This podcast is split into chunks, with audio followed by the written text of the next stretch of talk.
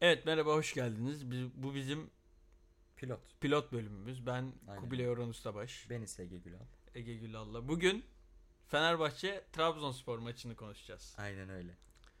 Ee, hangi taraftar grubuna ait olduğumuzu söylüyor muyuz? Bence pek gerek yok. Biz spor aşığıyız.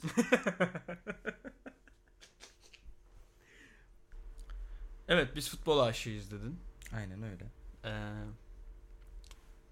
maç hakkındaki yorumlarını alabilir miyim? Klasik bir Trabzonspor Fenerbahçe maçı. İşte- Çok da fazla bir beklentimiz yoktu ama gerilimi hissettirdiği için mutluyum. Hı. Onu söyleyebilirim. Zaten gerilim dışında başka bir şey olmuyor bu maçlarda. Hı hı. Bence ama yine öyle gerilim yoktu. Eski Tamam, usul sen- gerilim yoktu gibi. Aynen taraftar bazlı, kulüp bazlı bence de yoktu. Ama maç içine yansıdı sonuçta. Ya evet Büyük bir ama hakem rezaleti vardı. Bence biraz da şeydi. eee, takımlar yer değişti gibi. Maç sonu Ali Koç taraftarı çağırıyor havalimanına. Ya- işte böyle güçleneceğiz beraber ol. Mesut Özil'e veriyor. Adam Yani bir garip, konuşamıyor aynen, kanka Mesut Türkçe falan yani. bırakmak ama hani 5 yıl önce de Aziz Yıldırım yapıyordu bunları. Trabzon maçının özellikle Gaziantep maçında da çıkıp konuşuyordu taraftarı. Genelde bizde oluyordu ya işte hep kupamızı geri verin falan. Ya Aziz Yıldırım ve Trabzon'da oluyor aynen. O Aynen. iki konsept birbirine yakışıyor, yanaşıyor. Evet neyse maç 3-1. Beklenmedik bir skor. Ben şahsen Fenerbahçe'nin kazanacağını düşünüyordum. Vitor Pereira iyi götürüyordu takımı. Ee, ki başlangıçta da Fenerbahçe işte sarı ilk sarı kartına kadar 14. dakikasına kadar üstündü. Yani üstün olacağını belli ediyordu oyunda.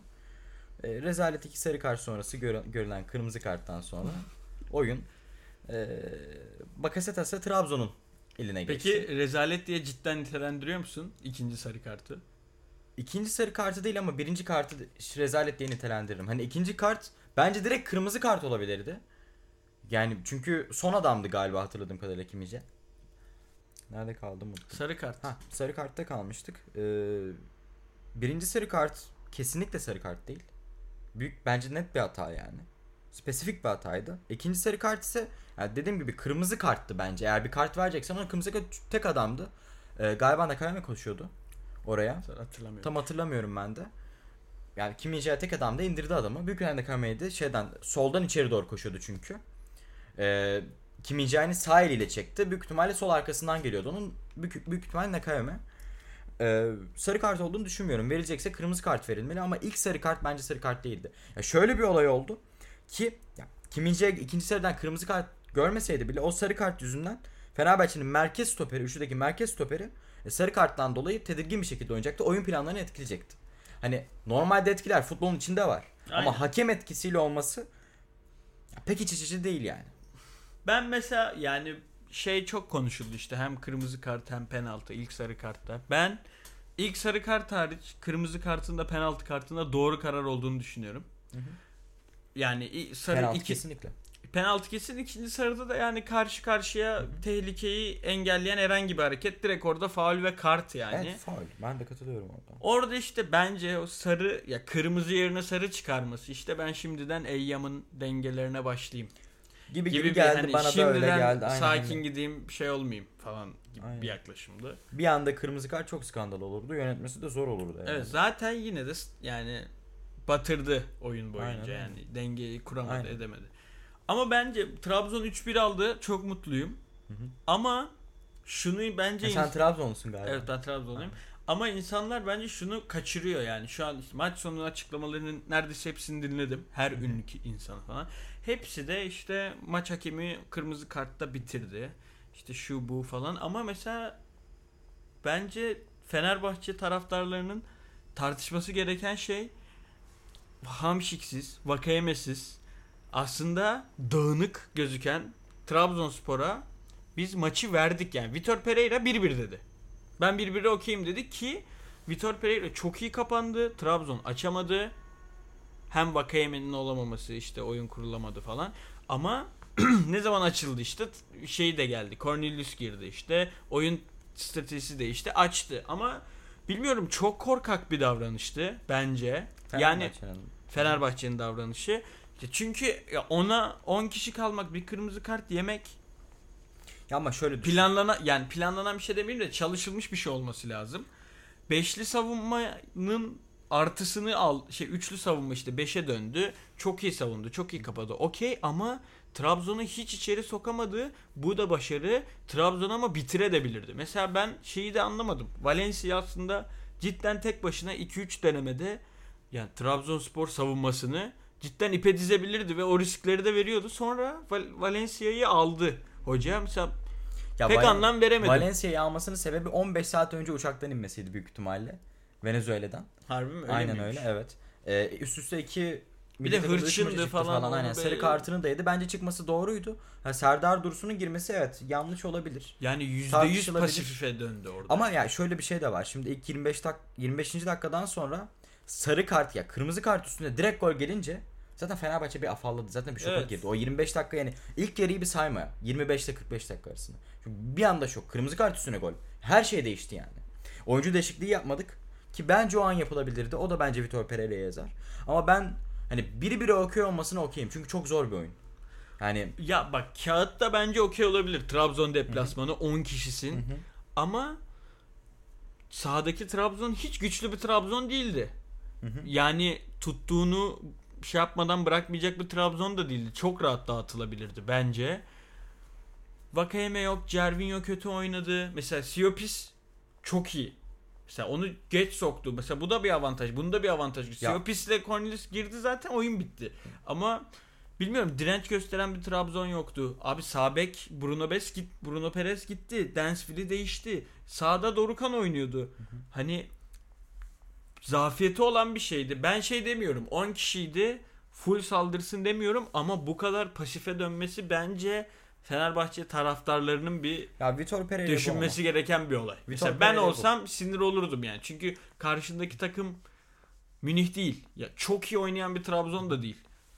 Ne zaman açık verildi? Cornelius girdi. Cornelius da çok game changer bir şey de yapmadı aslında. Sadece biraz daha açıldı Fenerbahçe. Ya Sonra Cornelius 3-1 olayı oldu. çözdü. Şimdi Cornel bir kere merkezden gitmeye çalıştınız. Başarılı olmadınız. Kanatları kullanmadınız. E, kanatları kullanmadıktan sonra içeriye orta açma şansınız yoktu ama Fenerbahçe zaten hani merkezde 5 kişiydi resmen. E, orayı açacak bir oyuncu yoktu. Cornelius'un oraya girip orada iki kişiye ekarte etmesi. Oraya atılan Zaten herhangi aynen. bir top da direkt Yani tehlike oldu. Zaten oyun dar alanda bir 30 metrede oynandı. Ya Trabzonspor'un yarı sahasının ötesinde oynandı oyun. Ceza Fenerbahçe ceza sahasıyla yarı saha arasında bir oyun oynandı. Cornelius çok daha önceden atılabilirdi. Evet ben de katılıyorum. Atılsa daha etkili olurdu. Hatta bence Fenerbahçe kırmızı kart gördükten sonra girmeliydi Trabzon adına. Ama ben bold Fenerbahçe'de move. eee beraberliğe yatmasını biraz uygun buluyorum. Çünkü milli takım dönüşüydü. Ve bizim 4 gün sonra daha puan alamadığımız bir Avrupa Kupası grupları var. Futbolcuları bu kadar yormak ne kadar doğru özellikle sahada Mesut Özil varken. Ya çünkü biz sahada 10 kişi savunma yapmadık aslında. Pardon 9 kişi yapmadık. 8 kişi yaptık. Mesut Özil'i sayma zaten. Yoktu. Evet yoktu ben. Yani Mesut Özil bir kontra tehdidi de değil. Sadece Rossi ve Pelkas vardı ama onlar Trabzon oyunu ele geçirdikten sonra ki bizim yarı sahada aldıktan sonra yani kontra tehdit diyoruz. Evet vardı da yani maksimum 3 kere çıkardı. Çünkü adam 60 metreyi iki oyuncu git gel yapmak zorunda kalacaktı kontrollerde. Hani şöyle düşün. Bunu 3. kereye yaptıktan sonra dördüncüsünde şut çekse top kaleye gitmeyecek. Anladın mı? Anlıyorum. Yani ben berabere yatmasını bu maç hani stratejik olarak düşündüm. Çünkü grup maçları var Avrupa'da. Takımı yormaması lazımdı bence. Ama işte Trabzon maçı da takımı rotasyona çevirebileceğim bir maç değil. Taraftar ve kulüp bazında yani. E tabi tabi. O yüzden zaten ilk 11 kendi ilk 11 ile çıktı. Ama işte yapacak bir şey yok. Dezavantajlarını da çekti. Ya- Beraberliği oynadı. Benim asıl bu maç hakkında konuşmak istediğim şey yani ben yıllardır Trabzonsporluyum ve işte ana akım medyayı izliyorum. Ama bir üzüldüm. Cidden üzüldüm. Çünkü maç sonu ya asıl konuşmak istediğim olay bu işte. Yani maç sonu olan açıklamalar sadece hakem hakem maçı bitirdi ve bu arada yani futbol izliyoruz yıllardır. Çok çok ya tartışılan şeyler doğru. Bu kanım benim kanımca. Okey ama çok aşikar hataların olduğu bir sürü maç oldu.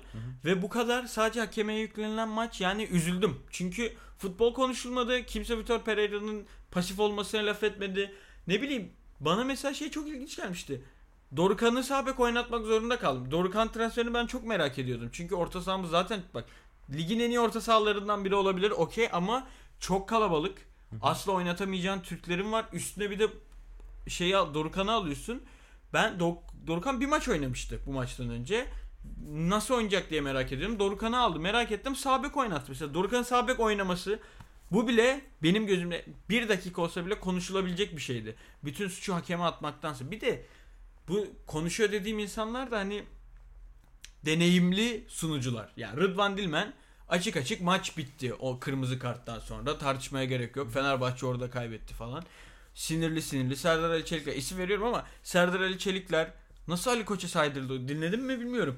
Sen eğer başkansan taraftarı alırsın, konuşma yaparsın, bu hakemi bir daha takımımıza istemiyoruz diye şey verirsin. Rıdvan Dilmen işte Trabzonspor büyük kulüp, güçlü kulüp yani manipüle ediyor. Abi hangi takım etmiyor? Hani böyle bir şey olabilir mi? Bir maçı da adam Trabzon aleyhine karar verir. Trabzonlu adam bu sefer der ki Fenerbahçe güçlü kulüp, Fenerasyon falan anladın mı? Bu konuştukça bu nereye yani hiçbir manası yok. Tamam sinirlenmişsindir bir taraftar olarak. Ama bilmiyorum bir sunucu bir spiker yani yorumcu Ya verdiğin örneklerin hepsi bu arada Koyu fenerli yapan adamlar. Hem koyu fenerli adamlardan geç. Bunlar zaten hani e, bir de zaten düşününce bütün Mehmet Demirkol, Serdar Ali Çelikler, Rıdvan Dilmen. ya bunlar kaostan besleniyor zaten. Ya, Ya, bunlar zaten olayı yani Rıdvan çok Dilmen, sevdiğim adamlar üçde.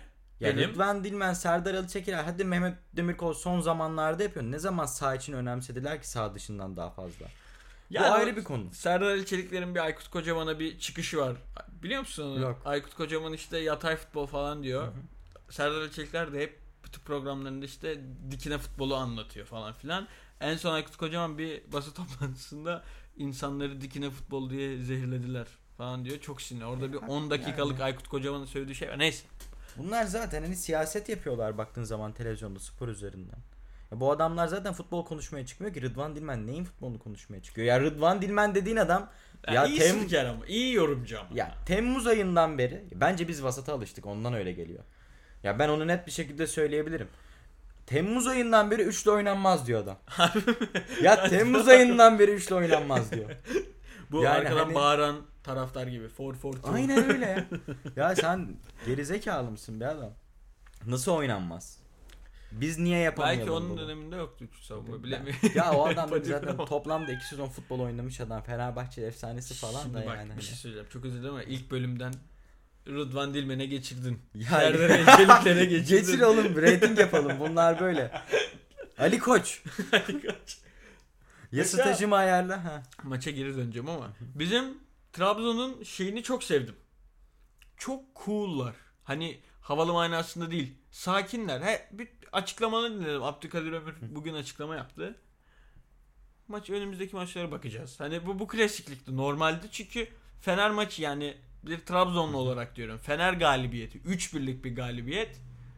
5 hafta net konuşulur. 5 hafta tweetler atılır. Nasıl çaktık Fener'e falan.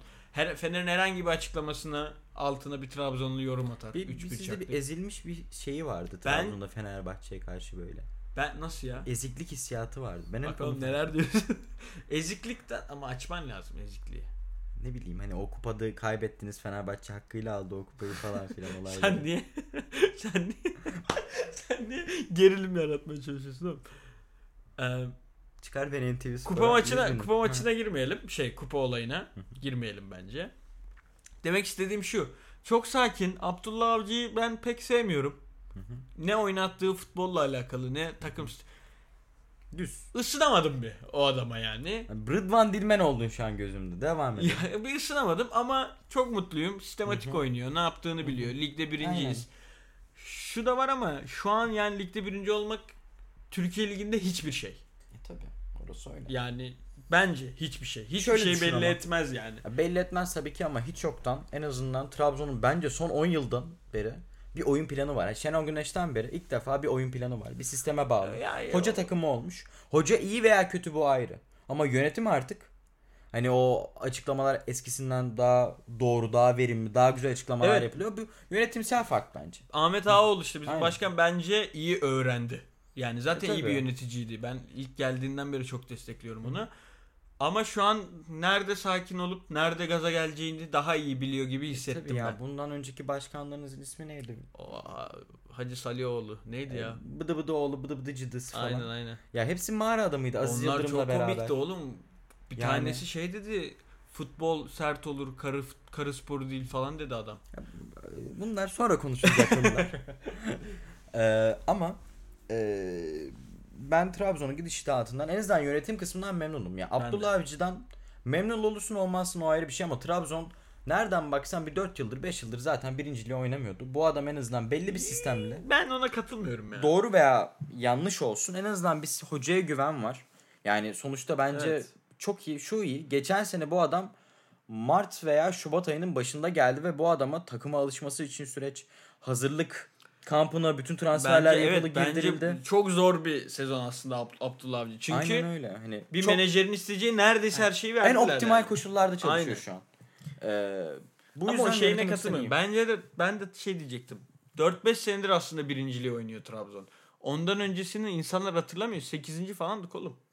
Ya Sörlot geliyor. Sörlot gitse bile ya da Sörlot olmadan önce de bir şekilde 3. 3. olduk mu bilmiyorum Ya da. Hep bir şampiyonluk şeyi var hani bir hafiften.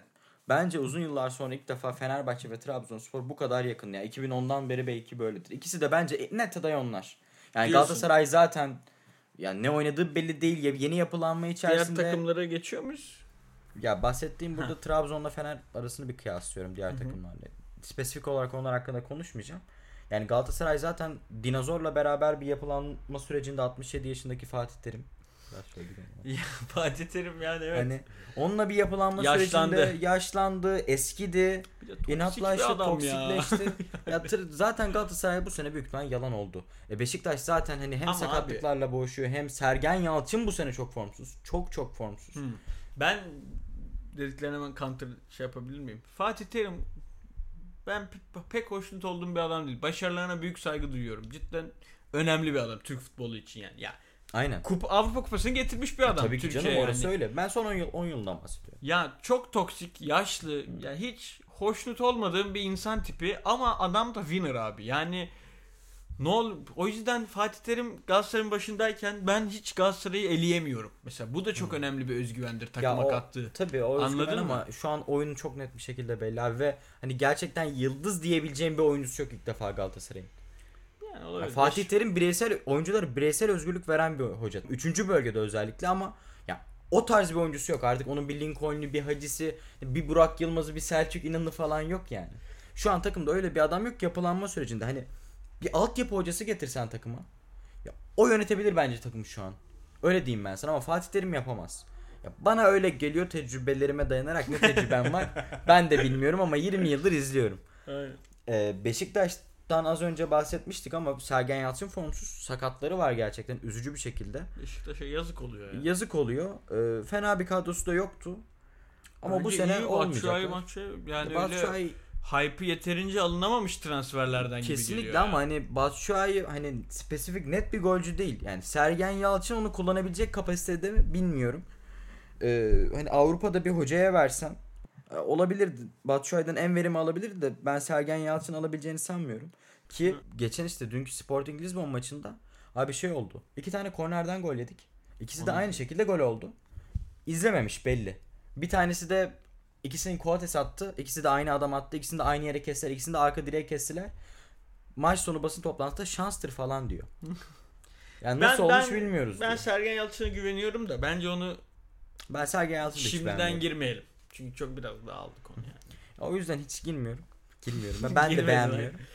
Ee, o yüzden e, Beşiktaş'ta Trabzonspor e, pardon Galatasaray böyleyken Trabzon'la Fenerbahçe'nin bence önü açık. İkisi de net bir şampiyonluk adayı. Şampiyonluk konusunda şöyle bir şey diyeceğim. Trabzon'da o eksik olan o Fatih Terim'de var dediğim winnerlık. Çünkü yani kazanamadık. Anladın mı? Mesela ben o yüzden hep geriliyorum. Şu an çok iyiyiz. Bence favoriyiz yani. İyi takım.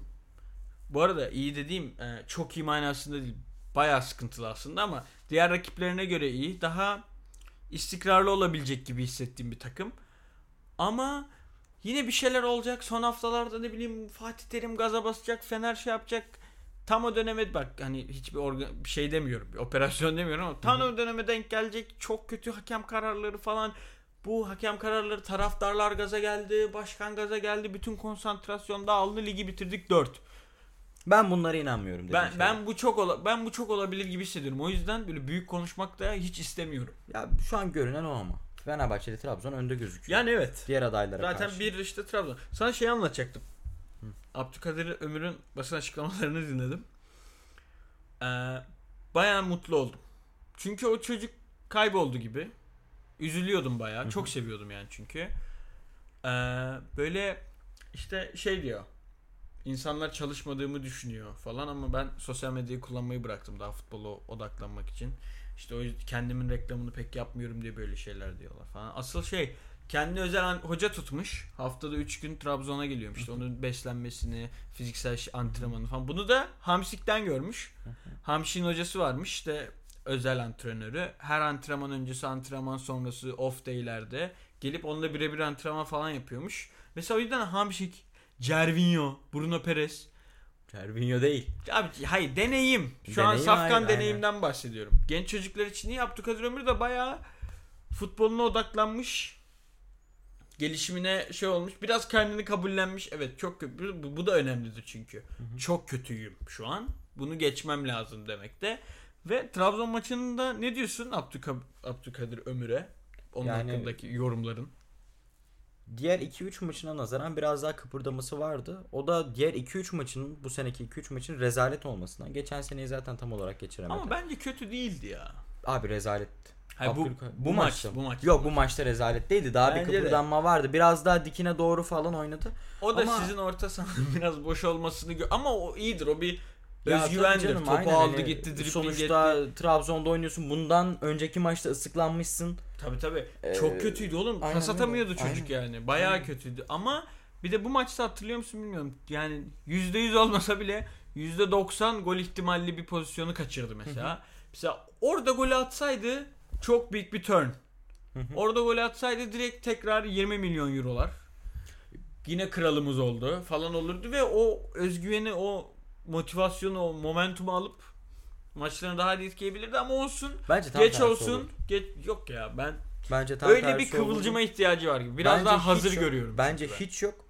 Neden biliyor musun? Çünkü bu adam zaten 18 yaşından beri yani geldiğinden beri bu kıvılcımla. Ya adam ilk maçına çıktı 20 milyon Barcelona ile başladı zaten. Hayır oğlum o kadar Anladın da değil mı? yani. hani hep böyle başladı. Ya adam bir maç iki maç iyi Ha, oynayınca yok birden böyle şey geçmeye şey gerek zaten. yok. Ha, o- Yok ama hayır bizim halk bunu yapıyor. Bizim her Trabzon Evet, evet, taraftarı da yapıyor. yapıyor, Fener Tabii, taraftarı tabii. da yapıyor. Ama işte bu adamın ya çocuğun hoşuna gidebilirdi. Aradığı motivasyon bilemiyorum. Bence motivasyonu farklı şekilde sağlarsa onun için daha verimli olur gibi geliyor bana. Çünkü bu çok ne bileyim sürdürülebilir gibi gelmedi. Çünkü o zaman iki Biliyorum. maç sonra ıslıklandığın zaman e, düşüşe geçeceksin demek. Bence işte her şeyi ya daha kabullenmiş bir futbolcu gibi geldi gözüme. O hoşuma gitti.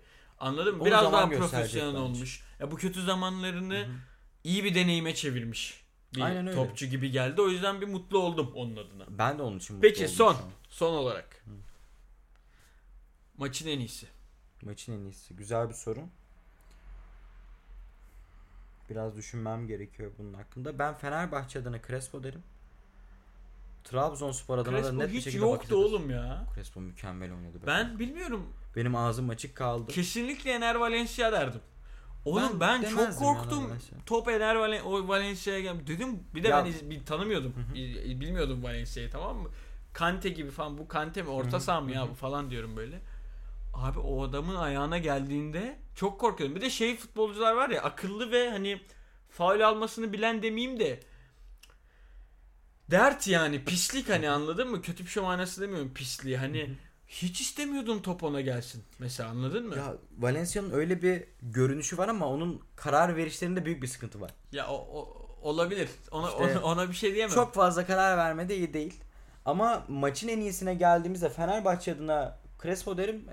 Maç içinde net bir şekilde Bakasetas oyunu değiştirdi. çok iyi ya. Çok iyi bir futbolcu. Helal olsun. Ligin Oyun en iyisi şu an. Çok aşikar bence. En formdası diyeyim yani. En formdası denebilir. Kim Min-jae ile beraber ben de derim ona. Ya Fenerbahçeli olduğum için demiyorum. Kim Min-jae de iyi ama Bakasetas da denir tabii ki. İkisinden biridir. Ama Bakasetas domine etti maçı. Çok iyiydi ya. Ben Ben aldı götürdü. Her şeyi yaptı. Az önce demiştim ama tekrar diyorum. Ben Siopis'i de çok beğendim. Mesela Siopis'li bir 11 bekliyordum aslında. Hani bilmiyorum. Abi normalde tipi zaten de tipi de çok Trabzonlu gibi. tam Hatırlıyor aynen musun? aynen aynen. Tam ama- bir Köksal Baba'ya benziyor. Aynen Köksal Baba. Köksal Baba'yla çok büyük bir ortak özelliği var. Evet. Ee, ya normalde zaten onun oynaması lazım. Hani büyük ihtimal Siopis, Hamsik, Bakasetas'tır Abdullah Avcı'nın kafasında. Ama e, Berat, mükemmel Berat iyi. Berat da iyi ama Siopis'le aynı profil sayılır. Aynı bölgede oynuyor. Aynı rolde oynuyor en azından. Önce Bence özellikleri farklı. bir denemek istedi. O yüzden de olabilir. Ama Yani büyük maç sorumluluğu yüklemiş. Olabilir. Ama Siopis'in oynamamasının temel nedeni İsmail Köybaşı'nın oynamak zorunda kalması sol bekte. Ay, Yoksa Siopis- yoktu ki İsmail. E tabi ama normalinden Genelden bahsediyorsun Aynen. aynen. O oyuncu şeyinden dolayı Mesela. Dansville çok kötüydü. İlk direkt- defa izledim ben de. Çok Direkt değişti. çekmedi. Çok kötü oynadı mesela. Neyse. Daha da konuşabiliriz ama konuşmaya gerek yok. Bakasetas Fenerbahçe'den de Crespo diyelim geçelim. Crespo. Aynen. Mesut çok kötü neyse daha uzatmayayım ya. Mesut yoktu sahada. Bunu konuşmuş muyduk? Mesut yok Mesut zaten. Ne zaman oldu ki yani? Neyse. Ne zaman Mesut'a oldu? ne kadar para verildi? Bilinmiyor. Acun veriyor galiba. Ya onun Acun, Aynen. Ali Koç. Güya Ali Koç. Büyük Fenerliler. Aynen, Büyük Fenerler. Güya her şey kapa verilecekti, bilgilendirilecekti falan maaşlar falan. Acun bir de oradan yani. çok iyi parasını çıkarır. Bir Mesut Özil belgeseli Exe'ne. Evet, tabii canım onlar Acun'un işi ya. Neden geldi? Sevgili AK Parti üyeleri de çıkartır. Oradan da bir Oğlum vuralım. bak şu an yanlış yerlere girdin. Neden? Siyaset yok. Yok mu? Yok oğlum ne? Bir Fenerbahçeli CHP'li olamaz mı ya? HDP'li olamaz mı? Bizim dinleyicimiz olmayacak amına koyayım. Ee, bu bölümün sonuna geldik. evet. Kendinize iyi bakın. Görüşürüz. Crespo niye bişledin pezevenk? Crespo iyi oynadı.